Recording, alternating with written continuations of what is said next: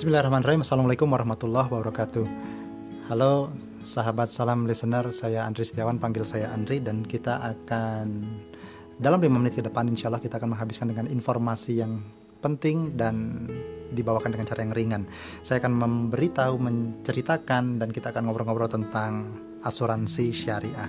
Tentu asuransi syariah tidak asing lagi bagi kita semua, tapi memang apa yang mau saya bawakan sebagai pembuka dari materi asuransi syariah yang insya Allah kita akan lebih rinci lagi di kemudian hari, ini bisa memberikan gambaran awal mengapa asuransi syariah penting.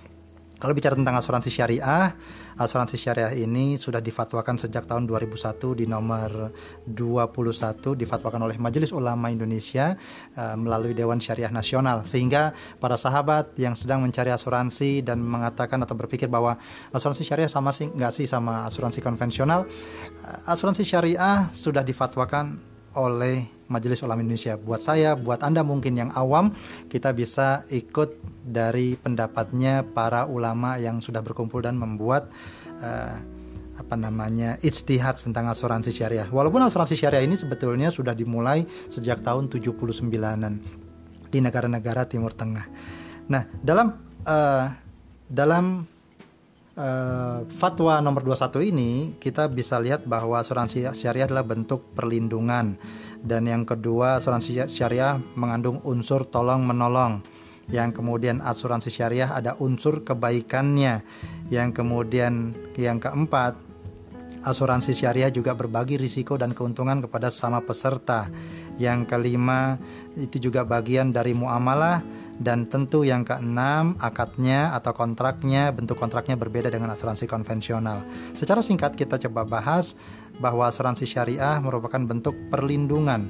Sahabat salam listener bahwa dalam Al-Qur'an An-Nisa ayat 9 A'udzubillahi wal yakhshalladzina la tarakau min khalfihim khaufu alaihim falyattaqullaha wal yaqulu qaulan sadida.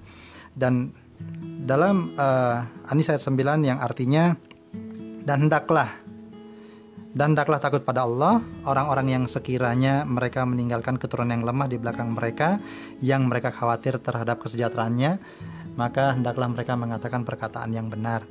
Nah, kita diminta untuk melindungi anak-anak kita sehingga ketika kita sudah meninggalkan mereka, mereka tetap dalam keadaan yang kuat. Asuransi syariah inilah yang insya Allah membantu kita keluarga Indonesia untuk melindungi anak-anak kita sehingga anak-anak kita tetap menjadi anak, yang kuat. Ada unsur tolong menolong di dalamnya bahwa uh, di dalam Al-Maidah ayat 2 wa ta'awanu 'alal birri wat taqwa wa la ta'awanu 'alal itsmi wal udwan dan bertolong menolonglah dalam kebaikan dan ketakwaan, jangan tolong menolong dalam dosa dan permusuhan. Bahwa asuransi syariah ini adalah gerakan tolong menolong sesama peserta sehingga semua hibah atau dana kontribusi yang diberikan itu tujuannya adalah untuk menolong sesama peserta ketika peserta mengalami musibah. Contohnya adalah meninggal dunia misalnya. Yang berikutnya asuransi ini, asuransi syariah ada unsur kebaikannya apa kebaikannya? Ya tadi itu yang saya sampaikan bahwa ada tolong menolong sesama peserta. Yang keempat, ada berbagi risiko dan keuntungan. Sahabat listener, bahwa kita tidak pernah tahu kapan musibah terjadi dan kita tidak pernah mau itu menimpa diri kita tetapi ketika itu terjadi maka ada sejumlah dana yang bisa diberikan kepada ahli waris atau orang yang terkena musibah Apakah kemudian uang yang kita sudah hibahkan berkurang? Ya berkurang karena sudah terpakai. Tapi itulah bagian dari komitmen kita di dalam asuransi syariah bahwa kita berbagi risiko ketika ada yang anggota yang terkena musibah maka itu akan diberikan santunannya. Juga uh, asuransi yang ada prinsip uh, investasinya maka kita juga berbagi keuntungan kepada sesama peserta. Yang kemudian adalah ini jadi bagian dari bermuamalah. Nanti kalau ada pertanyaan bahwa emang asuransi syariah diperbolehkan ya? Satu, ya karena sudah ada fatwanya. Bagi saya yang awam, saya lebih aman karena ada fatwanya dari majelis ulama. Oke, berarti sudah bisa kita pakai. Yang kedua, mungkin nantinya akan kita bahas lebih lanjut bahwa al aslu fi muamalah al ibahah segala sesuatu dari muamalah itu diperbolehkan tetapi atau kecuali jika ada dalil yang melarangnya. Nah, materi ini insya Allah akan kita lanjutkan karena ada dalil yang melarang dalam muamalah larangan riba, maisir, dan goror.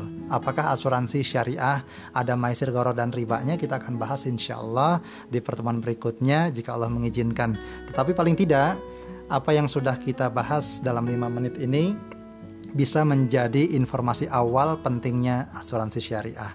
Semoga bermanfaat. Yang sudah mendengar silahkan share ke teman-temannya agar dapat manfaat yang sama. Wassalamualaikum warahmatullahi wabarakatuh.